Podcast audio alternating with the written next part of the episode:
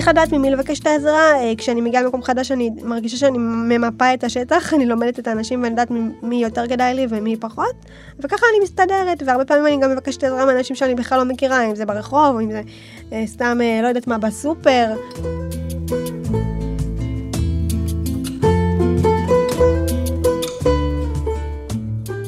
שלום לך, דוקטור הודיה. אוליאל. שלום. אה, כבר נאמר שתוכנית הזאת אנחנו מקליטות ביום חול. אה, אגב, גם את כל התוכניות, אה, לטובת המאזינות והמאזינים, נאמר, אנחנו מקליטות בימי חול ומשדרות, גם בשבתות, אבל לא רק. ובדרך כלל אני מתחילה עם המרואיינים שלנו, מרואיינות, פחות או יותר בגילאי ילדות. במקרה שלך, אני חושבת ששווה להתחיל אפילו טיפה קודם, ברגע שבו באת לעולם הזה. שהקדמת. כן. אה, אז בעצם אה, נולדתי בשבוע 27, שזה סוף החודש השישי להיריון. אה, זה נחשב לפגות מאוד מוקדמת. ובעצם על רקע זה יש לי פגיעה, שנקראת שיתוק מוחין, CP, סרבל פלסי. בגיל מוקדם גם היה לי דלקת בקרום מהמוח, מננגיטיס, ובעצם גם הפגות המוקדמת, גם המשקל לידה המאוד, מוקדם, המאוד קטן. כמה שקלת? 930 אה, גרם בלידה, אה, וזה הולך קצת ויורד בהתחלה לכל התינוקות. אה, ובעצם כל הדברים האלה, שלושת הדברים האלה הם גורמי סיכון. רגע, בואי טיפה, אני לא יודעת עד כמה המאזינים שוחים במה זה שיתוק מוחין, ואת בטח יודעת יותר טוב מכולנו.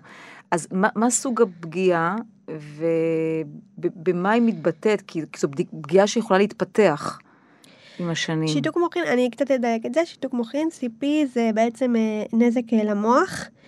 אה, שהוא לא נזק שהוא מתקדם, זאת אומרת, זה לא הולך ומידרדר, זה לא נזק שהוא נחשב לפרוגרסיבי, זאת אומרת, יש לא פגיעה, פיזית? גם לא פיזית, יש פגיעה שאיתה הבן אדם חי את החיים. פגיעה שהיא לא משתנה. אצלי הפגיעה היא מוטורית, אה, CP אה, הוא פוגע באופן מוטורי, הוא יכול לפגוע גם באופן קוגנטיבי, אה, בשליש מהמקרים. לא אצלך. אצלי ברוך השם לא, אבל יש מקרים שזה מעורב, שזה יכול להיות גם וגם, בשליש מהמקרים. ואז הפגיעה המוטורית יכולה להיות מה, גפיים תחתונות, גפיים עליונות, חצי גוף. בדיוק, יכול להיות הכל. יכול להיות חצי גוף, יכול להיות כל הגוף, יכול להיות... אה, שני גפיים, כמו אצלי, אני דיפלגית. ממה היא נגרמת? בדיוק כמו שאמרתי בהתחלה, שבעצם אה, אני פגית של שבוע 27, ובעצם הייתה בעיה באספקת החמצן בלידה, ולכן יש נזק שהוא מוחי. בעצם הפגיעה שלי היא פגיעה מוחית. המוח שלנו אחראי על כל התפקודים שלנו, גם על האופן אה, לחשוב וללמוד בזה, אבל גם על הפעולות שאנחנו עושים, הכל זה פקודות מהמוח. אז אצלי נפגעה בעצם המוטוריקה. אז בעצם אה, שיתוק מוחין הוא בעצם סוג של אה, הפרעה במקום שבו, במקום שנקרא לו ככה, נגיד המערכת שקובעת מהן הפעולות הרצוניות במוח, וזה מה שגורם ללקות התנועה? אה, וואי, את נכנסת לדיוקים שהם, אה, אני לא יודעת כל כך להגיד לך, אבל אצלי הפגיעה היא מוטורית. אה, נפגע החלק המוטורי אצלי, שאצלי זה מתבטא בקושי בהליכה. בעצם אני הספסטית, המוח שלנו, כשיש פגיעה מוחית עליונה, יש פגיעה בכוח, בטונוס של השריר. ואצלי הטונוס הוא מוגבר, זה נקרא ספסטיות. לכן ה-CP שלי הוא CP ספסטיק דיפלגיה, ספסטי ודיפלגיה שזה בשני הרגליים. ומתי בעצם אבחנו שיש בעיה? כלומר, אני, אני לא יודעת, עלו על זה מיד? אז, לא. אוקיי, אז, נולדת פגה, אז עוקבים אחרי נכון, פגים. אז אומרים, אז אומרים להורים של הפגים שבעצם כל פגיעה אפשרית. פגיעה בראייה ופגיעה בשמיעה ופגיעה mm-hmm. בהתפתחות ואיחור התפתחותי, ושהם בעצם צריכים להיות ערים להכל. אה, ובאיזשהו שלב, אה, ההורים שלי שמו לב שאני לא מתהפכת, שאני לא עושה דברים שאח שלי שגדול ממני כבר עשה בגיל הזה. מה, חצי שנה כזה? כמה אני חושבת שהם שמו לב עוד לפני. אה, כבר בגיל, אני חושבת, ארבעה חודשים, הם ראו ש, שמשהו לא בסדר, הם לא עשו עם זה יותר מדי. ואחרי זה היה את המנינגיטיס. את הדלקת בקרומי המוח, ואז כבר היה ברור ש, שמשהו קרה. ובעצם לא יודעים אם זה מהפגות או, מה, או מהמנגיטס, אבל זה גם לא באמת משנה. זאת אומרת, זה לא שאם נדע ממה זה, אז אה, זה ישנה במשהו. אה, ואז מתחילה מה, שגרה של אה, אה, טיפולים, אני מניחה, ו, ואולי גם ניתוחים, או... אז יש את ה-CP, ואין, זאת אומרת, זה לא משהו שאפשר לפתור אותו, אבל כן אפשר לעזור... לשפר. זה, זה נזק שהוא נזק תמידי. מה שכן, בגלל שאנשים, ילדים במצב שלי, הם מתחילים ללכת יותר מאוחר, אם בכלל, אז הגידים מתקצרים, כי את לא מזיזה את הרגל, אז גם הגיד מתקצר. אה, והמנח הוא לא נכון, אז גם העצמות צריך לסדר אותם. אז בעצם לאורך השנים עברתי חמישה ניתוחים שהם ניתוחים אורתופדיים, אה, ניתוחי עצמות וניתוחי גידים. שתכליתם זה... להעריך את הגיד? ניתוחי גידים מעריכים את הגידים, mm-hmm. ניתוחי עצמות אישרו את העצמות. ובעצם זה אמור לאפשר לי בעצם את ההליכה. אז זה משהו שעשיתי בעצם לאורך הילדות, מגיל 5 ועד גיל 15. אה, הם היו צפופים, כי הראשון היה בגיל 5, ואז השני היה בגיל 10, 12, 14 ו-15. ובכל זאת ההורים שלך, הם, אה, הם מתעקשים שתלכי במסלול אה, רגיל. גן רגיל, נכון? נכון. בית ספר רגיל. בעצם מההתחלה הייתי במסגרות רגילות, נכנסתי לגן בגיל מאוחר, סביב גיל, אני חושבת, או 4 או 5. עד אז היית בבית? כן. עם אמא שלי. עם אמא? אז היא התפטרה. נכון, היא, לא, היא הפסיקה אוקיי. לעבוד ברגע שנולדתי. צריך גם לדעת למי להיוולד. וואי, ממש. כן. היי, גם אבא. ברור. אבא לא התפטר, אבל אבא יש לו עבודה הרבה ממני. ו... ברוך השם. ובעצם אני בבית, ואז בגיל מאוחר, רק אחרי שאני בעצם עומדת, והם רואים שאני יכולה לעמוד, ואז הם מקווים שאני יכולה גם ללכת, הם מכניסים אותי לגן כשאני הולכת עם שתי מקלות סבא.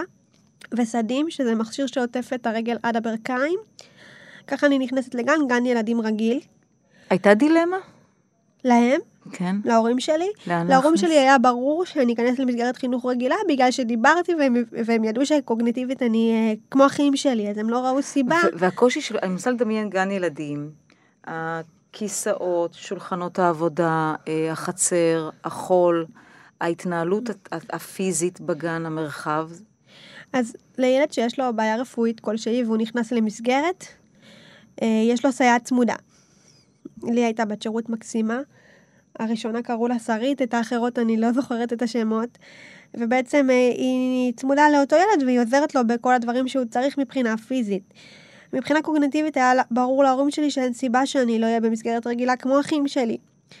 ולכן אה, נכנסתי לגן רגיל, אני גרה באשדוד ואני חייבת להגיד שפעם היום זה נורא נשמע טוב, כשאנחנו אומרים שאנחנו משלבים ואנחנו מכילים, זה נראה טוב גם מהצד, וזה משהו שהוא כאילו מאוד מרגיש קצת טרנד, טרנד טוב. לא, לא, אבל אני, אני לא בטוחה לא שזה לא, מקובל. שזה לא גם היום הרבה בדיבור ופחות במעשה, אם כי יש שיפור. אבל הפעם שלך, בפרקטיקה, ביום-יום, איך זה נראה? אז קודם כל רק רציתי להגיד שפעם זה לא היה מקובל בכלל, זאת אומרת זה היה משהו שהוא מאוד מאוד חריג בנוף, בניגוד ליום שכן שומעים על זה וכן רואים את זה מדי פעם. זה היה מאוד חריג, זה משהו שההורים שלי התעקשו עליו. ובעצם אה, הייתי עם סייעת שהיא הייתה נמצאת איתי בערך לאורך השעות שהייתי נמצאת בגן, והייתה עוזרת לי במה שאני צריכה, אם זה ללכת למשחקים או לחזור ל... שור, שירותים? לשבת ליד כן, שולחן? אז שוב, נכנסתי כשאני כבר הולכת ומתפקדת, כן צריכה עזרה. אז היא הייתה בשביל לעזור לי. וההתעקשות הזאת של ההורים שלי, אני חושבת ש... עכשיו, לא רק הם התעקשו, זאת אומרת, להכניס אותי למסגרת רגילה, ש... שזה גם, uh, כאילו, אני תמיד זוקפת את זה לזכות העיר אשדוד, כי זה משהו שגם לא, לא שמו להם רגל, זאת אומרת, ידעו שאני מבחינה קוגניטיבית מתאימה, אז גם לא הייתה יותר מדי בעיה להכניס אותי, שזה יפה, כי פעם איך... זה לא היה מקובל. וגם אחרי שהכניסו אותי, אז היו הורים שניסו לגרום לכך שאני אצא מהגן. כי מה? כי זה לא כי בטוב אני, בעין? זה לא בטוב בעין, הייתה אימא אחת של אחת הבנות, אני יודעת בדיוק מי זאת עד היום. אין לי ספק שאת זוכרת. אה, היא, היא מורה, מורה, היא מורה בבית ספר היסודי שלמדתי בו, והיא אמרה שזה לא בסדר שאני נמצאת בגן רגיל ושאר הילדים אה, רואים אותי ויכולים לחכות את ההליכה שלי. אז היא ביקשה שיוציאו אותי מהגן. והייתה לי, כל הגננות שלנו היו מקסימות, כאילו בשני הגנים הם היו משהו מיוחד, שזה גם ככה מזל מהקדוש ברוך הוא, כי בעצם הגננות לא היו מוכנות לשמוע את זה, זאת אומרת, זה לא שאפילו זה נפתח לשיח. אם את רוצה, תעבירי את הילדה שלך. עוד היה נשארת איתנו. אבל אני חושבת שזה לא פשוט להורה שמנסים כאילו להוציא את הילד שלו אה, מהגן או משהו כזה. איך, מגיבים ילדים בגיל הזה? איך הגיבו אלייך? אז שואלים שאלות של סקרנות, או, או, או יש שלב שבו זה גם אה, יכול להיות פוגעני? ילדים הם אה, מתנהגים כמו ההורים שלהם, לגמרי, אני ממש מאמינה בזה. אבל אה, בחוויה שלך, מעבר לדוגמה שלהם בבית, כלומר, היה מישהו ש... ש... מה יש לך, זאת, אה, ו, ולמה למה הרגל שלך אה, אה, היא, היא ככה, או שגם העלבות? בוודאי שהיו העלבות, זה היה רוב החוויה בגיל הזה. היו לי, אה, הייתה לי חברה אחת בגן לדעתי, אה, שהיא חברה שלי עד מ- היום. מכל הגן אחת? כן, אימא שלי הייתה תמיד אוהבת שאני מביאה חברים הביתה ולא הולכת לחברים. מוכר. אז כן, אז הם כן ככה השתדלו מדי פעם להביא לי חברה וזה, אבל לא היה לי אה, הצלחה חברתית. לא בגן, בגלל ולא המגבלה? ביסודי. בגלל המגבלה, בגלל שזה משהו שלא היה נפוץ אז לשלב, ובגלל שילדים מתנהגים כמו ההורים שלהם, ואם ההורים מנסים להוציא אותי מהגן, אז מה אפשר לצפות מהילדים שלהם? אותה ילדה ספציפית, אה, אנחנו אה, למדנו באולפנה, אה, לא, אה, חלק מהשנים באותה כיתה, חלק מהשנים לא באותה כיתה, אבל אנחנו בני אותו מחזור. ואז אני הלכתי ללמוד רפואה, והיא הלכה ללמוד הוראה, והיא גננת לחינוך מיוחד היום, וכשהיא עשתה עבודה, ההיא? הילדה ההיא? הילדה ההיא של האימא? הבת של האימא שניסתה להוציא אותי מהגן, היום היא גננת לחינוך מיוחד. האימא מורה, הילדה גננת, והיא עשתה איזושהי עבודה במסגרת התואר במכללה שלה, והיא רצתה, היא חיפשה מישהו עם, עם מוגבלות לראיין אותו בשביל העבודה שלה. וכמה כבר מכירים, אז היא שאלה אותי אם אני יכולה כאילו לענות לה על כמה שאלות, היא אמרה שזה לא ייקח הרבה זמן, הייתי בשנה שנייה ב, ברפואה, ואמרתי לה שאין בעיה, כאילו, ואז היא שאלה אותי, איך, אה, כשהייתי קטנה, איך קיבלו אותי. אז אמרתי לה שנראה לי שהיא יכולה לשבת עם אמא שלה קצת, ושהיא תסביר לה אה, איך היה לי בתור ילדה, כי אמא שלה, לא, לא ספרתי למה אמא שלה עשתה, אבל... אה, היא לא זכרה? אה, לא. היא לא, זכ... היא לא יודעת מזה. מעניין. כאילו, גם לא אמרתי לה את זה. ויש מצב שהיא בחרה במסלול הזה של חינוך מיוחד, או, או, או טיפול שהוא אקסטרה לילדים שצריכים סיוע בגללך, בדיעבד, בניתוח של פסיכולוגיה בשקל 20? אני בטוחה שלא. כמה בחוויה שלך, אה, של אה, להטיח, להטיח בך אה, עלבונות, זה משהו שבדיעבד אה, מחשל אותך, מעצב אותך? מה את עונה? מה ענית כשבא ילד או ילדה ואומרים לך, את ככה וככה? אז קודם כל, אה, עד היום, אני לא תמיד עונה. אני הרבה פעמים עונה לעצמי. אני לא חושבת שיש יש אנשים שאני גם יודעת היום בתור אה, גדולה, שלהסביר להם לא יעזור, ולכן הרבה פעמים אני יודעת שזה אה, שלו, ולא קשור אליי, ואני לא עונה. ובתור ילדה בכלל לא הייתי עונה. מה היו אומרים לך? אה, היו מחקים את ההליכה שלי, היו צוחקים עליי, היו יורקים עליי. יורקים? כן.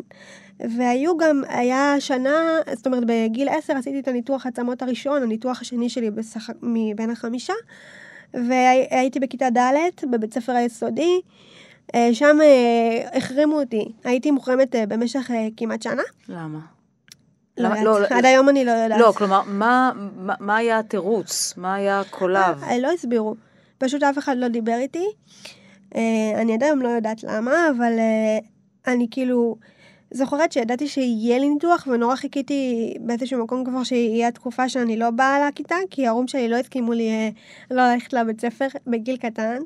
בגיל יותר גדול הם, בגלל שהם הם סמכו עליי, אז אה, יכלתי לא לעבוד, זה דווקא היה נחמד.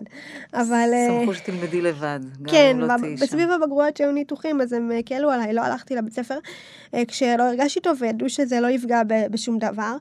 מה שכן, אז היה לי מאוד קשה חברתית, זה מה שאנחנו מבינות מהעשר דקות שאנחנו מדברות על זה, ואני החלטתי ש, שזה חייב להשתנות, אז שני דברים אה, עשיתי בשביל זה. אה, כשסיימתי את היסודי, והייתי צריכה לעבור לאולפנה, אז הודעתי להורים שלי שסייעת לא תהיה לי, אה, ושאם תהיה סייעת אז אני לא נכנסת אה, לאולפנה. והם כאילו מאוד התנגדו, כי הם אמרו, איך תסתדרי, אבל את צריכה עזרה, אז הלכתי כבר... כי, כי הרגשת שזה מה ש... סליחה שאני קוטעת אותך, זה מה שמתייג אותך? לא, הרגשתי שאני פשוט שאת לא לא מצליחה... צריכה את זה? לא, אני ידעתי שאני צריכה עזרה. אני רק ידעתי שהנוכחות של עוד מישהו איתי במשך היום מקשה עליי להתחבר, ומקשה על אחרים גם ליזום כלפיי, והרגשתי שאולי זה משהו שיכול לעזור, וגם ידעתי שהעזרה בשלב הזה היא כבר לא הכרחית. כבר הלכתי לבד, כבר תפקדתי יחסית טוב, ודמיינתי את היום שלי בלי סייעת כיום שיכול להתקיים. חשוב להגיד שיש מצבים שזה לא ככה, ואתה יודע שאתה חייב את העזרה, ואז אתה לא מוותר עליה. אני לא רוצה שילדים ישמעו את הסיפור הזה, ואז לא ירצו סייעת, אני לא יודעת איך נציג את זה בצורה טובה. אבל זה היה המצב שלי באותה נקודת זמן, שלא יכל להיות ביסודי. ולכן אני, זה היה שני דברים. דבר ראשון, שאני נכנסת ל- לאולפנה מבחינתי בלי סייעת, ההורים שלי התנגדו, אבל הם גם לא אה, שמו וטו, כי אני חושבת שהם גם בעצמם לא רצו, זאת אומרת שאם יש אפשרות שהחוויה החברתית שלי תהיה טובה יותר, מבחינתם הם לא ישימו לזה. רגל, כן?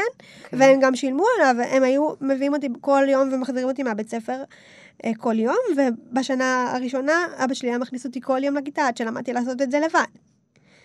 אה, וגם מוציאים אותי. זה דבר ראשון שעשיתי. דבר שני, אמרתי לך שלא הייתי ילדה שעונה. אה, בכלל, זה אומר שבכלל בכלל לא הייתי עונה, ואז החלטתי שלפחות בהתחלה של האולפנה, אה, מי שישאל וזה, כי ההתחלות זה יותר אה, אה, מקור לשאלות, אז אני עונה. ואני לא נותנת לאף אחד אה, כאילו לרדת עליי בגלל זה. זאת הייתה החלטה שלי עם עצמי. לא, אבל יש הבדל בין מי ששואל ואת אומרת, אני מסבירה לו מה יש לי, לבין מי שמטיח עלבונות. מה, מה את עושה עם מי שמעליב? אה, באותו האמת. שכאילו זה גם, זה גם קצת נוח לי, כאילו מי שישר מעליב וזה, אז אני יודעת כאילו למי להתחבר ולמי לא, זה קצת מסננת שהיא מאוד טובה, דווקא אני תמיד חושבת שזה יתרון. כאילו אלה שהם יותר בוטים, אני דווקא זה מקל עליי בקטע של לבחור את החברים, אז זה לא עושה לי כלום. אה, ואז אה, עברתי בעצם לאולפנה בכיתה ז', ואז באנו ביום הראשון, והייתה שיחה עם הרב של האולפנה. ואני זוכרת שהוא כאילו מסביר לכולם על האולפנה ומה הולך להיות, וכולנו יושבות במדרגות שלוש שורות, ואני מרגישה שאף אחד לא באמת מתעניין אה, בו, אלא בשיחה שלו, אלא באיך שאני נראית. הרגשתי שכל הזמן מסתכלים עליי, ואמרתי, אוף, זה נשלח לי גם לפה, אפילו שאני בלי סייעת. ואז היה לנו מבחן, מבחן בתושבע אחרי שלושה שבועות, ושתי בנות הציעו לי לבוא וללמוד איתי, ואמרתי להם שסבבה, וחשבתי שזה גם הזדמנות, כי תמיד כשנפגשים אז גם מדברים, ולא רק לומדים, וזה יהיה הזדמנות ככה אולי... אה, אחת מהן הייתה ילדה שהייתה מאוד חזקה חברתית, ככה כל היום שומעים אותה, ואמרתי שזה רעיון טוב שהם יבואו. לא ידעתי איך הן לומדות, אז יום לפני שהם באו כבר סיימתי ללמוד, ואמרתי נלמד, נלמד, לא נלמד לפחות אני סגורה. ואז אה, הם באו אליי, ובאמת ישבנו כמה שעות, והם רק שאלו מה יש לי, ואיך זה קרה, ואיך אני מסתדרת, וככה שאלות של ילדים. אה, ודיברנו, והסברתי, ואז הגיעה שעה שש, אני ממש זוכרת את זה. איפה ישבתי בחדר, איך החדר היה נראה, אני זוכרת ממש את הכל. הייתי בת 12, ואז הם שאלו אותי, כאילו, אה, כשפתחנו את המחברות, אז הרגשתי שהן כאילו מקריאות לי. עכשיו, לא הייתי בטוחה אם זו סתם תחושה שלי, או שאני, או ש... או שזה במקרה, אם הן לומדות תוך כדי הקראה, לא הבנתי מה נסגר שם, ופשוט שאלתי אותם אם, אם הן מקריאות לי. אז הם כי אמרו... בניתוח שלהן, אחרי שהסברת להם את הבעיה שלך, את גם צריכה עזרה. הם חשבו שיש לי. קושי שהוא קוגניטיבי, שבמאמר מוסגר זה גם בסדר שיהיה קושי קוגניטיבי, גם אנשים כאלה מגיע להם לחיות בצורה מאושרת, כן. אז הם באו אה, דווקא ממקום טוב. הם כן, הם חשבו שהם באו כדי לעזור לי, ושבעצם יש לי אה, אה, קושי בהבנה, וקושי אה, שאני לא כמוהם מהבחינה הזאת. ואז אה, צריך נורא, לא יודעת איך, לא יודעת איך, אבל אה, כאילו, את יודעת, שומעים את התוכניות האלה דווקא הורים לילדים שיש להם כל מיני בעיות, ואני לא יודעת איך זה יישמע לא פוגע, אני לא יודעת איך נעשה את זה. אה, כי כאילו זה בסדר גם להיות עם מוגבלות אה, שכלית התפתחותית, עם. פיגור. אז, אז בכל אופן הם אמרו שזה מה שהם חשבו, וש... ואז אה, היה את המבחן, קיבלתי בו 107, זה היה מבחן עם בונוס, וכל אחת מהם קיבלה 70 ומשהו. ובדרך כלל, כאילו, אנחנו מהבנות שאני ואחותי מקבלות את הציון, רואות כמה זה היה ומכניסות לתיק. לא שואלות, לא משוויצות, לא מתעסקות בזה. אבל באותו מבחן אני קיבלתי את הציון והלכתי לשתיהן. שאלתי אותן כמה הן קיבלו, והראיתי להם כמה אני קיבלתי, ואז כולם ידעו שלהודיה אוליאל אין אה, פיגור שכלי. אה, ועם הזמן, גם כשהיו בבגרות, אז בנות נורא אהבו ללמוד איתי, היה לי ממש אה, כאילו לו"ז למידה עם תור. היו בנות שהיו לומדות איתי בערב, ובנות שלה נעים לי מהם שהן גם רוצות, אז בערב היו באות. כאילו הייתי ממש מחלקת את זה. וזה משהו שעזר לי, היכולת הזאת. אז זאת, אז זאת הייתה נקודת מפנה. ממש. אה, ב- ביחס של החברה המצומצמת, נכון. סביבך, של הבנות באולפנה אה, כלפייך. היה לי טוב באולפנה. היה לי ממש כיף חברתית. הייתי יוצאת עם הבנות לטיולים, היינו הולכות לגיחות, כאילו שזה ישנים, ישנים בשטח, הייתי משתתפת בהכל, זה ייאמר לזכות האולפנה. אה, אז הייתי בלי סייעת, אמרתי כבר, אבל הצמידו לי בת שירות בזמן הטיולים כדי שאני אוכל להצטרף לכולם. וזה היה לי מאוד כיף, כאילו האולפנה זכורה לי כתקופה טובה. תגידי, אבל כל השנים האלה, עד גיל 12, ואולי גם אחר כך, אין, אה, אין כעס, אין עלבון, אני רואה שאת לא מרשה לעצמך. אה, על מי אני אכעס? אני לא יודעת שאת בסיטואציה הזאת, אתה אדם מאמין, שאת בסיטואציה הזו ואחרות לא. אמ, כעס כלפי מי שלא רק שואל, אלא מטיח עלבונות עד, עד הגיל הזה, ואולי גם אחר כך. יש דבר כזה אצלך? לא, או- האמת שבאמת לא. כי מה, אמ, כי פיתחת מנגנון כזה, או כי כזאת את? אז אני, אז אני קצת אחלק את התשובה לגיל היותר קטן ונגיד לעכשיו. אז כעס קודם כל אה, על הקדוש ברוך הוא בטח שאין לי, אני חושבת שלכל אחד יש את החבילה שלו, פשוט אצלי זה ככה משהו בולט, אבל אני לא מכירה מישהו שהחיים שלו מ- לא מורכבים. אז לי יש את הסיפור הזה, אבל לחברות שלי יש משהו אחר, ולכל אחד ההתמודדות שלו זה המקסימום שלו. זה בשבילו חוויה שהיא לא, לא פשוטה. מהמם. אז מבחינתי, כאילו, לי יש את שלי ולכל אחד יש את שלו, אז מה יש לי לכעוס? לכל אחד יש התמודדות בחיים, על מי אני אכעס. ועלבון, אמ, קנאה, את אומרת, אוקיי, למה אני זאת לא שאלה. ככה אני, ו... נכון. אבל עלבון, קנאה, עניין של דימוי גוף, בגיל 12 עלבון? בטח, אה, ש... אה, לא יודעת, אני כאילו אמרתי לך, ילדים שהיו יורדים עליי, אז הייתי משתמשת בזה ככלי, כאילו סבבה, היא לא יכולה להיות חברה שלי, וכאילו טוב שהיא אומרת לי את זה בפנים, כי אני בסוף אני מחפשת חברים אה, טובים, זה כיף. אה, שיש לך חבר שהוא באמת חבר, אז זה לא, בשבילי זה הרגיש תמיד כמו מסננת, ואני עד היום מרגישה שזה מה זה כלי כיפי, כי כאילו, ישר אני מרגישה למי כן, למי וקנאה לא. במי שהולכת אה, בקלות על שתי רגליה, ואת צריכה להתאמץ. אז ברוך השם, ברוך השם, אה, אני לא קנאית. אה, וטוב שככה, כי אם כן הייתי קנאית, אז נראה לי שהיה לי מלא במה לקנא. אה, לא זה הייתי מלא, אבל אולי בקטע כזה באמת של למה היא הולכת ואני לא. אה, לא נראה לי בהכרח אבל אה, בתחומים כי. אני נולדתי מוקדם והיא לא, ולמה אני נולדתי מוקדם והיא לא? כי ככה החיים החליטו. ו... אז, אז, אז מה שאני שואלת זה איזה זה מנגנון שפיתחת, כן, זה הכלי שלך לשרוד, לשגשג, ולא רק לשרוד. לא יודעת, אבל אף פעם לא נוצר לי כעס. כן היה תקופות שהייתי נורא עצובה בניתוחים, היה לי המון כאבים, אה, זה מאוד מתסכל, אבל כעס, על מי אני אכעס? יש לי הורים מדהימים, מדהימים, מדהימים, שעושים הכל שאני אהיה ממש מאושרת. אנשים גם בלי מוגבלות לא זוכים להורים כאלה. אז על מי אני אכעס? אז קיבלתי דברים פחות טובים, בטח, ברור. אה, כל הזמן יש אנשים שאומרים שהנכות שלי זאת מתנה, כאילו אומרים על עצמם שהנכות שלהם היא מתנה. אני לא מבינה את זה. תמיד כשהם אומרים לי את זה, אז עובר לי בראש ששונא מתנות תחיה, כאילו מתנות כאלה אני לא רוצה, אבל גם אף אחד לא שואל אותי. אה, ולכן כל השיח הזה של אה, כאילו לכעוס וזה, זה, זה לא יעזור, אז גם זה לא, ברוך השם שזה לא נוצר אצלי, כן? אה, אז לא היה לי כעס. כן, לאורך הדרך אני רק אגיד, שכמו שבגן ניסו להוציא אותי, אז בשלבים יותר מאוחרים בחיים, גם ניסו לשים רגל. ופה כן כעסתי. איפה? ניסו. טכניון היה מקום מדהים, אבל היה שם קבוצה של סטודנטים. שלמדת בו רפואה. כן. אה, היה, היה, היו סטודנטים מסוימים שזה לא היה לרוחם, שיש סטודנטית במצב כמו שלי, אה, אבל הטכניון לא נתן לזה יד. כי מה? כי בפרשנות שלהם עושים לך הנחות? לא האמת שלא? שאלתי אותם מה הפרשנות שלהם, לא, זה אבל לא עניין לא אותי. בטוב? אני למה- הייתי תעודת זהות שהתקבלה כמו כל אחד אחר, התקבלתי גם על... אה, יש סכם שאתה צריך להתקבל איתו, הסכם שלי היה הרבה יותר ממה שצריך, בכמה נקודות יותר, ולא הרגשתי עם זה ככה חוסר נוחות. זאת אומרת, אני התקבלתי כמו כל אחד אחר, והעיסוק של למה זה מפריע שאני פה, לא עניין אותי בכלל. אז אולי אומרת, התהפכו היוצרות, אולי פה הקנאה בך. אולי. יכול להיות. אה, באמת חשבתי, דרך אגב, באותו זמן שזה קנאה.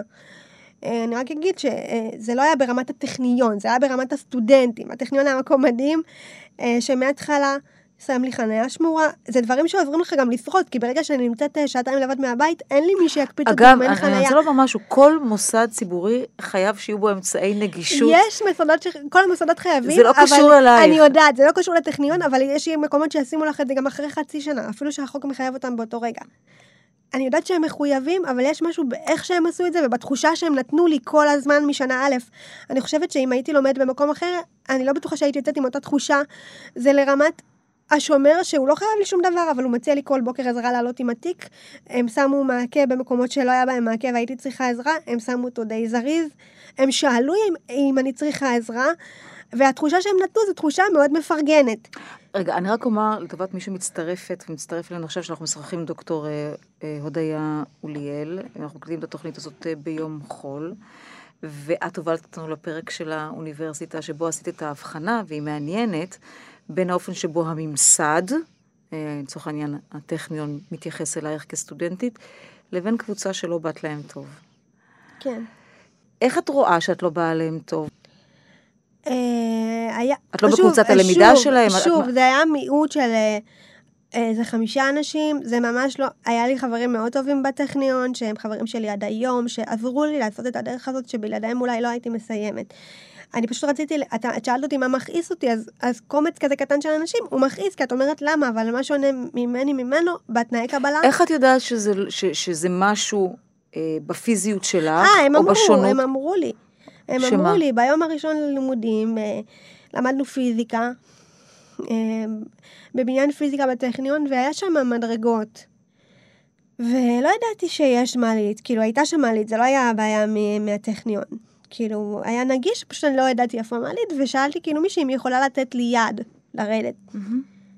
ואז היא אמרה לי, שאם אני חושבת שאני אפול עליהם נטל, כי אני עם מוגבלות, אז אני טועה, ושהם לא מתכוונים לעזור לי אה, לאורך התואר, ושזה בעיה שלי אם בחרתי אה, לבוא לפה.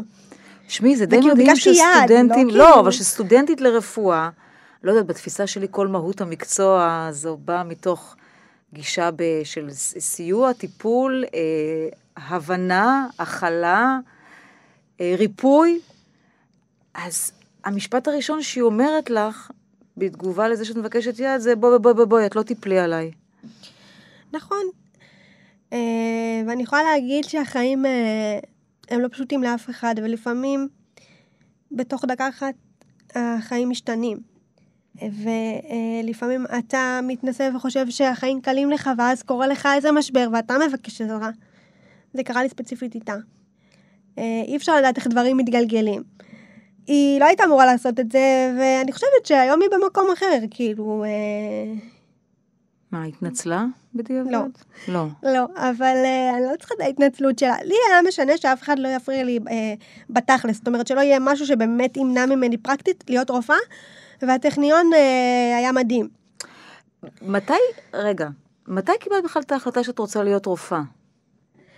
Uh, זה היה uh, במהלך הניתוחים שלי, בגיל עשר, היה הניתוח השני כשהייתי מוחרמת. אז היינו באשפוז, והניתוח הזה היה ניתוח של עצם הירך. זה יחסית נחשב לניתוח שהוא קשה. Uh, העצם uh, יחסית יותר מדממת, והשיקום הוא נורא קשה. ונורא סבלתי. כאילו, זה פעם ראשונה שעשו ניתוח עצמות, ולא הכרתי כאב כזה בחיים שלי. אה, זה עד היום, אני חושבת, הכאב הכי חזק שחוויתי, ו- ו- ובאמת נורא סבלתי, ואז גם התחלתי לחשוב למה אני כל הזמן פה, כל הזמן היינו באים כל כמה חודשים לביקורות, הרגשתי ילדת בית חולים.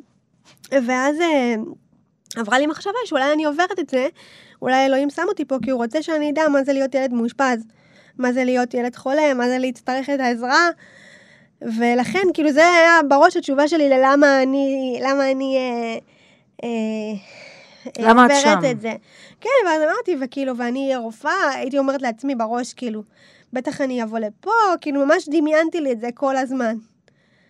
אה, וכעבור, אה, הייתי בת עשר, שזה היה, ואני בת אה, שלושים היום, וזה באמת בדיוק מה שקרה.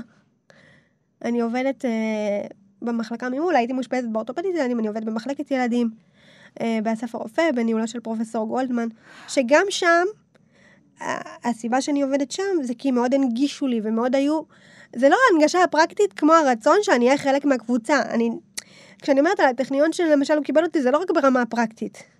זה ברמת הלהכיל, זה ברמת, אני פוגשת אה, מרצה שמתעניין איך אני מסתדרת אחרי צהריים ומציע לי את הטלפון, או מציע לי שאשתו תדבר איתי אם אני לא מרגישה נעים. אלה האנשים שפגשתי לאורך הדרך, ובעצם בגלל זה יכלתי לעשות את זה. אבל מה שמעניין אותי, ואני לוקחת אותך כמה משפטים אחורה, את, כשאת ילדה, את אומרת לעצמך, אוקיי, רפואה, ואת גם אומרת לעצמך רפואת ילדים. אה, עוד יותר ספציפי אפילו.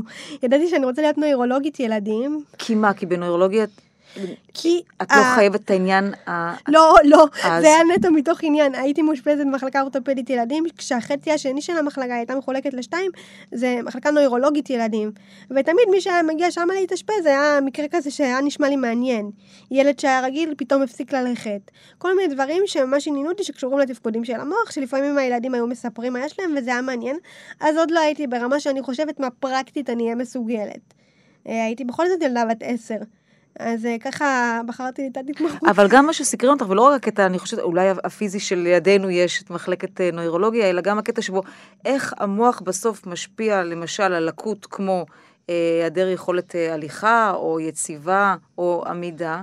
ובסוף את מוצאת את עצמך, זאת אומרת, סוגרת מעגל בהרבה מובנים, אבל גם בחלק הזה, שאת מתמחה במה שבסוף, אה, בדרך שבה המוח מאפשר או לא מאפשר לנו כילדים, אני אה, בעזרת השם מתמחה, אני קודם כל מתמחה בילדים, ואחר כך אני אתמחה, בעזרת השם אני רוצה בנוירולוגית ילדים.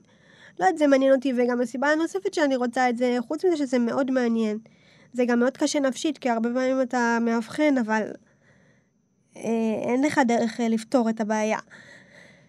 וגם את זה צריך לעשות, מישהו צריך לבוא ולתת את האבחונים האלה ובצורה רגישה. ו... אחד הסיבות שאני רוצה את זה, זה שזה לפעמים ליווי לטווח ארוך. זאת אומרת, אה, הנוירולוג הוא מי שיש להורים. והרבה פעמים זה להוציא הכל, זה גם להוציא את האבחון וגם להתמודד, וגם אה, לשאול את הדברים שאתה לא תשאל אף אחד אחר. ולכן אני רוצה להיות בנקודות האלה בחיים של אנשים, ולכן אני חושבת שזה מה שיתאים לי. אני מקווה שאני אהיה מספיק חזקה נפשית, אה, כי זה לא פשוט. אבל בטח מהר מאוד, אחרי שבחרת במסלול, הבנת שיש... אה, תתי ענפים או ענפים שבהם לא תוכלי לעבוד כרופאה. נכון, נגיד כירורגית, נכון. אני מניחה שיהיה קצת יותר קשה לך. אה, נכון, לעמוד נכון. פיזית ו... ההתמחות שלי, התמחות בילדים היא לא כוללת כירורגיה, זאת אומרת, יש התמחות בכירורגיית ילדים, שזה מסלול אחר, יש התמחות בילדים. אם את שואלת אותי אם כאב לי שלא יכלתי להיות כירורגית, בטח שכאב לי, יכול להיות שבלי המוגבלות הייתי בוחרת משהו שהוא כן עבודת ידיים. לא חשבתי על זה כי, כי אני לא מסוגלת לזה, אז הרבה פעמים השאיפות שלנו הן כמו מה שאנחנו מסוגלים. Mm-hmm. אם זה כואב לי, בטח שזה כואב לי. זה לא מעורר קנאה. אני כן, אני חושבת שהייתי שמחה, אולי, זאת אומרת שיהיו יותר אופציות שפתוחות פתוחות בפניי, אבל uh, יש לי חברה שאמרה לי שאולי אני לא רואה את זה, אבל גם בפניה למשל היו התמחויות שנפסלו מכל מיני סיבות אחרות, כי החיים מביאים אותך לכל מיני בחירות מכל מיני סיבות. זאת אומרת שאני לא רואה את זה אולי כי אני מסתכלת רק על המוגבלות כמשהו שמגביל, אבל החיים מגבילים את כל אחד, זה קצת ניחם אותי, אבל... אה, אני חושבת, אנחנו משוחחות כבר נגיד אה, משהו קצת יותר מחצי שעה. פעם אחת אמרת את המילה נחות. ובעיניי זה לא מקרי, לכן אני שואלת, האם זה אתם בכוונה מלכתחילה, זאת לא נקודת היחס שלכם, זאת לא נחות, או, או בהגדרה גם לא משתמשים במילה הזו, וזה מה שמאפשר את המסלול שאותו את עוברת. אז קודם כל, אה, אני לא יודעת אם את ראית גם רעיונות אחרים שלי, אני לא באה ואומרת, אם אני עשיתי אז אתם יכולים, או אין דבר אה, עומד בפני הרצון, או הכל אפשרי, אם רק חולמים. אני לא בן אדם שיבוא ויצהיר הצהרות. אני פחות מתחברת לגישה הזאת.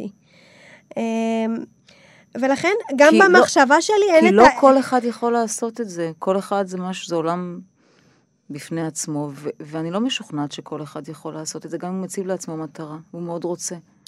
נכון, צריך להיות מחוברים כאילו גם לנסיבות ולמציאות, אבל מה שאני מנסה להגיד, שכל הטרמינולוגיה הזאת, אני לא מתעסקת איתה. אה, היא גם לא עוברת לי במחשבה, כשאני לא מתעסקת איתה זה לא רק ברמה הפרקטית, אני לא הולכת וחושבת, וואי, אני רופאה נכה או הרופאה הנכה הראשונה, זה לא משהו בכלל במודעות שלי, אני כן זוכרת את הנכות כי יש לי כאבים, כי יש לי קשיים, אבל זה לא משהו שהיינו מדברים עליו בבית. אה, כן ידענו שיש לי בעיה, אף פעם לא הגדרנו כאילו עוד היה היא הנכה בבית או משהו כזה. Uh, אני חושבת שכל ההגדרות האלה לא נותנות יותר מדי. Uh, זאת אומרת, מה זה משנה אם קוראים לזה א' או ב'? וזה משהו שעבר עליי, כאילו זה נגיד עבר אליי ממש מהבית. Uh, אני, כאילו אבא שלי תמיד אומר שזה כאילו סמנטיקה, אבל זה לא סמנטיקה, כאילו זה הדרך שבחרנו לחיות. שאנחנו לא חיים את הנכות כנכות, אלא אנחנו חיים את החיים עם מה שיש. ו... ועם זה מתמודדים. אז איך את קוראת לזה, אם בכלל את קוראת לזה? אה, אני כששואלים אותי, אז אני אומרת, יש לי נכות, אין לי בעיה עם המילה הזאת. אני פשוט לא חושבת על זה כל היום שאני בחורה נכה. אה, אני לא מתעסקת בזה, אני יודעת שאני נכה, אוי ואבוי אם לא הייתי יודעת, כן? אבל אין לי איזושהי התעסקות סביב זה. אני כן אה, הרבה פעמים מאוד מחושבת, אני כן חושבת עשר צעדים קדימה. אני כן, אה, כשאני צריכה לצאת מהבית אני, ולמשהו חשוב, אני כן אגזור זמנים, אני כן מתנהלת אה, בצורה שנגזרת מהנכות. אבל אם אני חושבת כל היום על זה שאני נכה, ממש לא. גם לא בתור סטודנטית, גם לא כשהיה לי קשיים. זה לא משהו שעולה לי, אני יודעת שהקשיים שלי הם מהנכות, אבל אני לא מתחילה להיכנס לזה במחשבות, וכנראה שזה גם משפיע על הדיבור שלי, כאילו, אם את אומרת שלא אמרתי את המילה הזאת, אז... אה, ברמה, את חיה לבד? אני גרה לבד. גרה. טכנית, בטח יש דברים ש... אני לא יודעת, להרים, להוריד. אני לא שוטפת רצפה, זה הדבר היחיד שאני לא עושה. אוקיי, הרבה לא שוטפים רצפה, והם ישמחו לו לשטוף רצפה. זה לא חוכמה, מה עוד?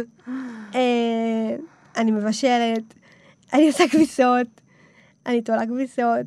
להרים, להוריד, להחזיק, חם, קר. אה, יש לי את השיטות שלי, דווקא אני עושה הכל. אה, ברוך השם, אה, כשעברתי לחיפה, בעצם אז עברתי לגור לבד, והיה לי אה, מיקרו שהיה רחוק מאיפה שיושבים לאכול. ואז פתאום את צריכה להרים צלחת חמה, ואין לך מושג איך את עושה את זה, גם אם היא קרה, זה לא משנה, צורת הליכה שלי לא מאפשרת. ואז אה, אה, התקשרנו אה, לנגר שלנו, ואמרתי לו שאני רוצה שהוא יבנה לי, הבנתי שהיום יש את זה בחנויות, אבל אז לא היה, אה, כמו מין אה, עגלה כזאת שאפשר להניח אליה דברים, זאת אומרת, אה, שולחן שהוא זז עם גלגלים. Mm-hmm. וככה הייתי מוציאה מהמיקרו, שמה לי על זה ולוקחת לי. ומסיעה את זה כן. לשולחן וחזרה. עם הזמן גם למדתי להסתדר בלי עגלה, כי גם זה משהו שרציתי לתרגל, אבל ברמת העיקרון, כל פעם שעולה קושי, אז אנחנו מנסים למצוא איך, איך לפתור אותו. לא יודעת, בשנה ראשונה גרתי בדירה אחרת, והדוד היה ממש גבוה, והייתי פותחת, מדליקה את הדוד עם ה... עם ה היה כמו אינטרקום כזה. אז הייתי כאילו פותחת איתו, מרימה את השפורפרת ואיתה מדליקה. לא יודעת, כל פעם מוצאת פתרונות uh, למה שצריך. אני כן, אני גרה לבד uh, בעצם משנה שנייה בטכניון עד היום. Uh, היום אני גרה מרחק של רחוב מההורים. אז יש לי מלא עזרה, כאילו, אני לא מרגישה שאני גרה לבד, כי כל דבר שאני צריכה אז באים תוך שנייה, זה לא חוכמה. אבל נגיד, אם, אם, אם את צריכה עזרה, ושלא מההורים שגרים בסמוך, תבקשי? ברור. צריך, דרך אגב, צריך לדעת עזרה ממי לבקש. אני, שוב, בעניין של מגורים וזה, אז, אז זה תמיד מההורים, כאילו, זה גם, גם הכי מהיר, כאילו, הם... לכן לא שאלתי על ההורים, אבל נגיד, כן. את תלכי לזה לא... תצטרכי לתפוס את הכוס, לא יודעת מה, את, את הכוס הזו ולקרב אותה אלייך והיא רחוקה ו... ו אז שוב, את רוב הדברים אני יכולה לעשות כי אני uh, באמת עצמאית, ברוך השם, אבל לעניין הפרקטי של אם אני אבקש עזרה כשאני צריכה, אז בטח, uh, אין מה לעשות, uh, זה מה שצריך לעשות כדי... Uh, אה, כדי להסתדר, וזה מה שאני עושה. צריך לדעת ממי לבקש את העזרה. אה, כשאני מגיעה למקום חדש, אני מרגישה שאני ממפה את השטח, אני לומדת את האנשים ואני יודעת מי יותר כדאי לי ומי פחות, וככה אני מסתדרת, והרבה פעמים אני גם מבקשת עזרה מאנשים שאני בכלל לא מכירה, אם זה ברחוב, אם זה אה, סתם, לא יודעת מה, בסופר. האמת שלא עשיתי סופר מי שעברתי לגור באשדוד, כי, כי עושים בשבילי, אבל נגיד בחיפה, אז כן. נגיד להגיע למדף רחוק או גבוה? כן, אני יכולה לבקש בזה עזרה. נגיד הייתי עושה סופר בסופר שאין לו עגלה, אין עגלות שם, וזה הסופר הכי קרוב, הוא היה מתחת לדירה שלי, אז אה, כאילו בהתחלה הייתי לוקחת בידיים, ואז אה, התחלתי לבקש פשוט שקית בהתחלה ולמלא אותה. למדתי גם שאני יכולה רק שקית אחת, אז כאילו, אני לא קונה גם חלב, גם אה, שוקו, כאילו, אני כזה בוחרת את מה שאפשרי. ממננת את הקניות לפי כן, מה נכנס בשקית אחת. כן. לא, לפי הכובד שלה. כן. וככה זה, זה דברים שלמדתי לעשות, היה לי נורא חשוב לצאת מחיפה כשאני יותר עצמאית, וזה דברים ששמתי להם ממש נקודות זמן, זאת אומרת, ידעתי שפעם בשבועיים, אם אני לא טועה זה או פעם, בש... לדעתי פעם בשבועיים הייתי עושה, גם לא היה לי מה לקנות, הייתי יורדת לסופר, כאילו הייתי צריכה לסמן על זה וי. אה, ובאמת, ברוך השם, הגעתי למצב שכאילו, אה, כן, דברים שרציתי לעשות ולא יכלתי לפני הלימודים, אני עושה היום. זהו, אז מה שאני לא עושה בבית זה רק שאני לא שוטפת את הרצפה. טוב, אני אומר, אספר שוב שאנחנו משוחחים, משוחחת איתה היום, אני, אה, דוקטור אה, הודיה אה, אוליאל, אנחנו מקיימות את השיחה הזו ביום חול. איך מגיבים אלייך מטופלים שנתקלים בך בפעם הראשונה? הם לא יודעים מי את, לא ראו חדשות, לא ראו שהדלקת משואה. לא קודם ראו... כל, אני זכיתי שהמטופלים שלי מילדים. אז הם מגיבים אליי כמו שההורים שלהם מגיבים אליי, ואני יודעת שזה נשמע מוזר, כי אני אה, גם בלי עין הרע, כן? אני עובדת כבר אה, אה, לא מעט זמן, ואני אה, פוגשת גם אה, מטופלים לא מעט זמן, ולא יצא שהורים נרתעו. להפך, התגובה היא או שהם לא שואלים כלום, או שבאיזשהו שלב במהלך האשפוז הם מפרגנים. אה, והורה שלא נרתע, הילד שלו לא נרתע, הרי ילדים מאוד מחקים את ההורים שלהם אה, בגיל קטן. מאוד מעריצים אותם ומאוד מחקים את ההתנהגות שלהם, אז אם ההורה לא מביע מזה איזושהי רתיעה, גם הילד לא. אבל מה זה רתיעה? אף אחד בכל השנים האלה, שאני מניחה שגם בילית במחלקות, לא רק נכון. כזה, לא מסתכל עם סימן שאלה, אומר, רגע, רגע, עזבי את הקטע של אה, אה, טכנית, קטע של... אם היא יודעת לא. את, אז המקצוע... באמת לא. אז באמת באמת לא, אני יודעת שזה נשמע מוזר, כי כאילו בעצם הייתי משנה רביעית, אני רואה מטופלים בתור סטודנטית, ואז בתור אה, אה, רופאה, ולא קרה לי. לא קרה לי אפילו פעם אחת, כן היה משהו אחד שאולי כאילו זה יענה לך, אבל זאת הדוגמה היחידה, שזה מדהים שמשנה רביעית, כבר, לא הייתה ארבע שנים, ואני לא נתקעתי, זה... אה, היה לנו אה, בשנה רביעית אה, קורס כזה שאנחנו לומדים אה, מה זה רפואה פנימית, זה, זה מבוא, זה אפילו לא היה סבב פנימית, אז זה היה מבוא. הייתה לנו מדריכה שחילקה לכל אחד מהסטודנטים מטופל, והיינו צריכים ללכת ללמוד איך עושים שאלות למטופלים, מה שואלים, איך חושבים, איך מנהלים את המקרה. ולי נתנה מטופל שברגע שבאתי אליו, אז הוא אמר שכאילו, זה לא בסדר שאני רופאה והוא לא מוכן לדבר איתי. והווילון היה סגור והמדריכה שלי הייתה מחוץ לווילון. והיא שמעה את זה. ואז היא פתחה את הבילון בעצבים, והיא אמרה לי, יודע, בואי רגע. ואז היא אמרה לי, את היום לא רואה מטופל, אז אמרתי לה, אבל זה כאילו לא שעשיתי משהו. אז היא אמרה לי, לא, זה לא עונש. לכי תנוחי בחדר סטודנטים, זה בשבילך. והיא בכתה, כאילו, הייתה מה זה חמודה. והיה לה קשה, כאילו, הסיטואציה, אז היא אמרה, היום את, את לא תראי מטופל. והוא היה מאוד חריג. הוא היה קיבוצניק. הוא כאילו, זה היה קצת, לא הבנתי, גם לא, לא, לא ניהלתי איתו דיון על זה, זאת אומרת, זה היה רגע שנפסק גם בתוך שנייה, זאת אומרת, היא שמעה את זה והוציאה אותי משם, זה הדבר היחיד שקרה לי. אה, אבל לא קרה שהורה לא הסכים שאני אטפל בילד שלו. דרך אגב, גם, גם אין שום סיבה. אנשים עוברים דברים בחיים, אה, גם כשהם לא נכים. ואני חושבת שנראה אה, לי שפחות משנה להם אם הרופא שלהם היא מוגבלת או שהיא... כאילו, מה שאכפת להם זה שאני אדע את העבודה ושאני אהיה רגישה אליהם. ושאני אכין להם את המכתב שחרור מוקדם. זה מוזר בעינייך שבעצם אה, בכל ההגדרות אה, הטלוויזיוניות, הרדיופוניות, הכתבות, הרופאה הראשונה והיחידה בישראל שלוקה בשיתוק מוחין, זה מוזר לך שאת הראשונה? לא. אה, מה, אבל כל... יש, הרי, תראי, הרי אם יש, אם יש פגיעה קוגניטיבית שלא מאפשרת לימודי רפואה או לימודים מתקדמים, זה דבר אחד. אבל אם העניין הוא מגבלה פיזית, איך זה שלא קודם? לפנייך? אז באמת פעם כשהייתי יותר צעירה וחיפשתי, אה, חיפשתי לראות אם אני יכולה לדבר... אה, מודל, נגיד. כן, ולא מצאתי, בהתחלה לא הבנתי למה. אבל כשהייתי בחיפה, והייתי חמש שעות באוטו בגשם, מחכה שמישהו אולי יבוא לעזור לי ואולי לא, כי אני לא יודעת ללכת בגשם. כשנתקלתי בקשיים וראיתי כמה זה דורש, הבנתי איך זה יכול להיות. דרך אגב, לא רק ברפואה, באופן כללי, למה קשה לבן אדם במצב שלי לצאת מהבית וללכת ללמוד משהו. עזבי רפואה. פעם זה לא היה לי ברור. כשעברתי את זה, זה בדיוק המחשבות שעברו לי בראש, ועכשיו אני מבינה למה זה לא נפוץ. לפעמים בתגובות לכתבות שיושבות כל מיני רופאים עם מוגבלות, אני, לי לא יצא להכיר אה, משהו שהוא דומה למקרה שלי. אז, אז בעצם מה שאת אומרת זה שמה שאני אגב לא, מב, לא מבינה, ואת מבינה היטב, הוא כמה זה מורכב אפילו הסיטואציות הפשוטות של מה אני עושה ביום גשם, איך אני מגיעה פיזית נכון. ללימודים, דבר שאני באמת לא, לא חשבתי עליו עד שאמרת אותו. ואז בעצם הבעיה היא, היא, היא, היא לא שלך כמו היא הבעיה הסביבתית, החברתית, שלא יודעת להנגיש פתרונות כדי שאני לא אשאל איך זה שעת הראשונה, נכון? אה, תראי, גם זה לא יכול להיות כל הזמן זה בעיה של החברה, זה כאילו אתה אחרת. לא, אבל אם היו שאטלים שאומרים, רגע, הודיה ויוסי וחיים ו- ומיכל לא יכולים טכנית להגיע ביום גשם, אז אולי היה יותר קל אה, לבצע את הפעולה הזו עבורם. אה, אני אגיד לך משהו. כשאני הייתי סטודנטית, היה תקופה ששיפצו את האולם שלמדנו בו, והעבירו אותנו לאולם אחר שהוא היה לי פחות נוח. ליום אחד, אמרו בינתיים, עד שנמצא פתרון, תעברו לפה, ואני לא יכלתי ללמוד שם, אז פניתי לוועד של הסטודנטים ואמרתי, אני לא יכולה ללמוד באולם הלבן, כי גם המדרגה הראשונה, אתה לא יכול לשבת במדרגה הראשונה, אתה צריך לרדת הרבה כדי לראות, וגם הראשונה קשה לי, ואי אפשר שאני לא יכולה באמצע השיעור נגיד לצאת אם אני צריכה, או משהו, אני צריכה ללמוד במקום שמאפשר לי אה, עצמאות. Mm-hmm. אז פניתי לוועד וביקשתי שאנחנו אה, לא נלמד באולם הלבן. אז אה, החבר אמר לי שאני אחת והם 119. אז עם כל הכבוד שהעולם לא נוח לי, זה הפתרון, וזה בעיה שלי.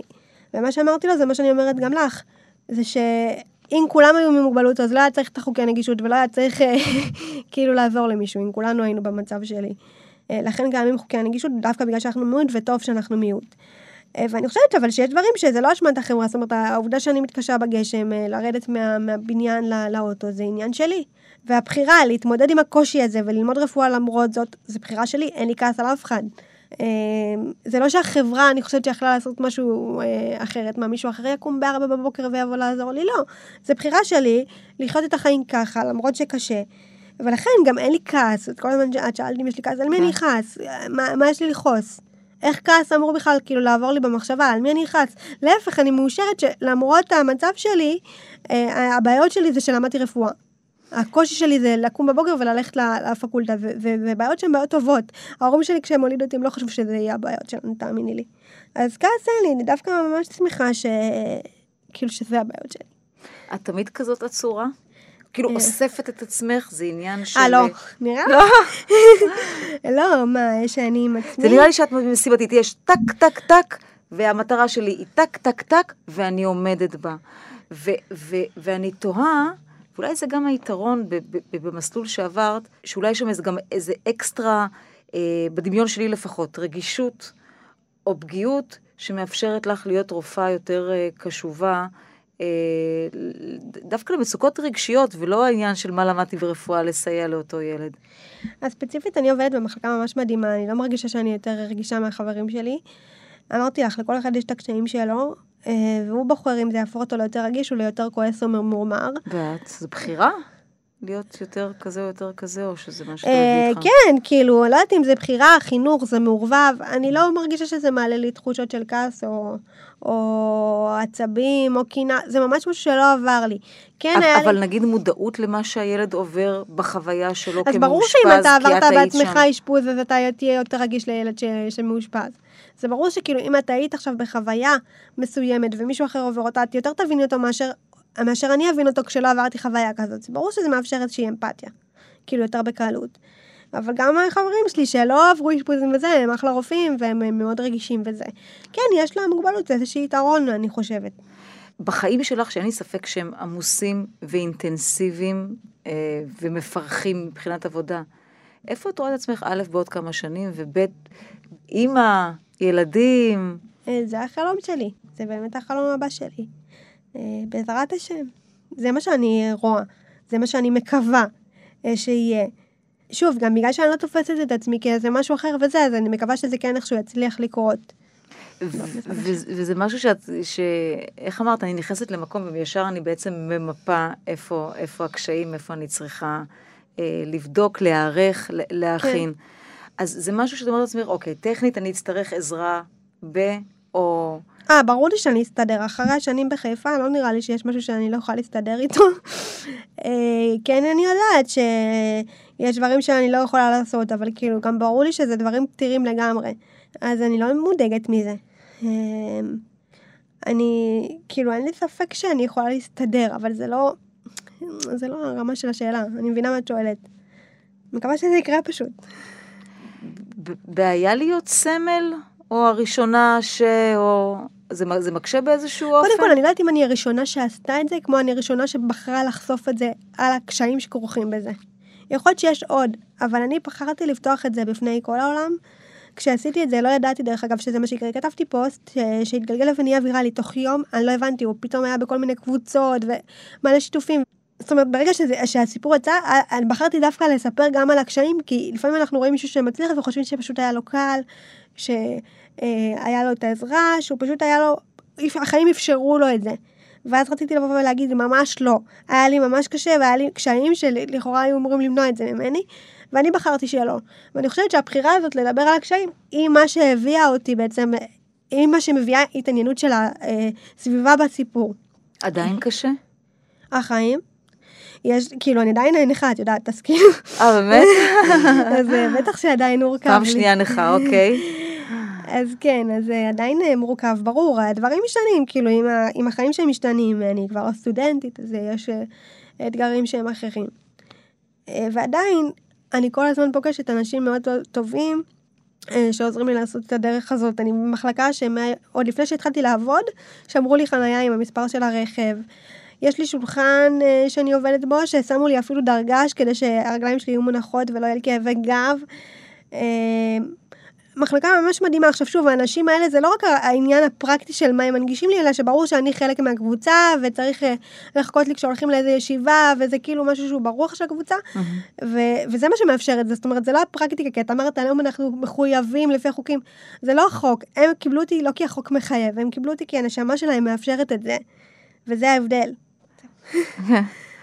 אמ, אז את אומרת בסוף, אה, זה לא, זה לא הפרקטיקה, גם פה צריך הרבה מזל, מי אתה פוגש אה, נכון, בחיים, וזה לא נכון. לא בהכרח רק אני והרצונות שלי והשאיפות שלי, נכון, או הנחישות שלי. נכון, זה לגמרי מהקדוש ברוך הוא, כל האנשים האלה. גם פגשתי אנשים פחות טובים, דיברנו על זה שניסו כן. למנוע ממני. אה, אני חושבת שפגשתי את האנשים האלה כדי להעריך את מי שכן מאפשר, דרך אגב, וזה תמיד כאילו התשובה שלי לעצמי, למה הייתי צריכה לפגוש אדם כזה או אחר שבאמת ניסה לעשות רע, רק בגלל הנכות. אה, וכן, צריך את זה, צריך אנשים טובים בחיים, צריך את זה גם כשאתה לא מוגבל. וזה, ברוך השם, זה באמת מזל. מקל ועושה את ההבדל. אה, דוקטור הודיה אוליאל, אני מאוד מודה לך אה, שהיית איתנו. ואני רוצה לומר גם תודה לעורכת אליי גאנה ולטכנאי ראובן מן, ותודה לכם שהייתם איתנו. שבת שלום.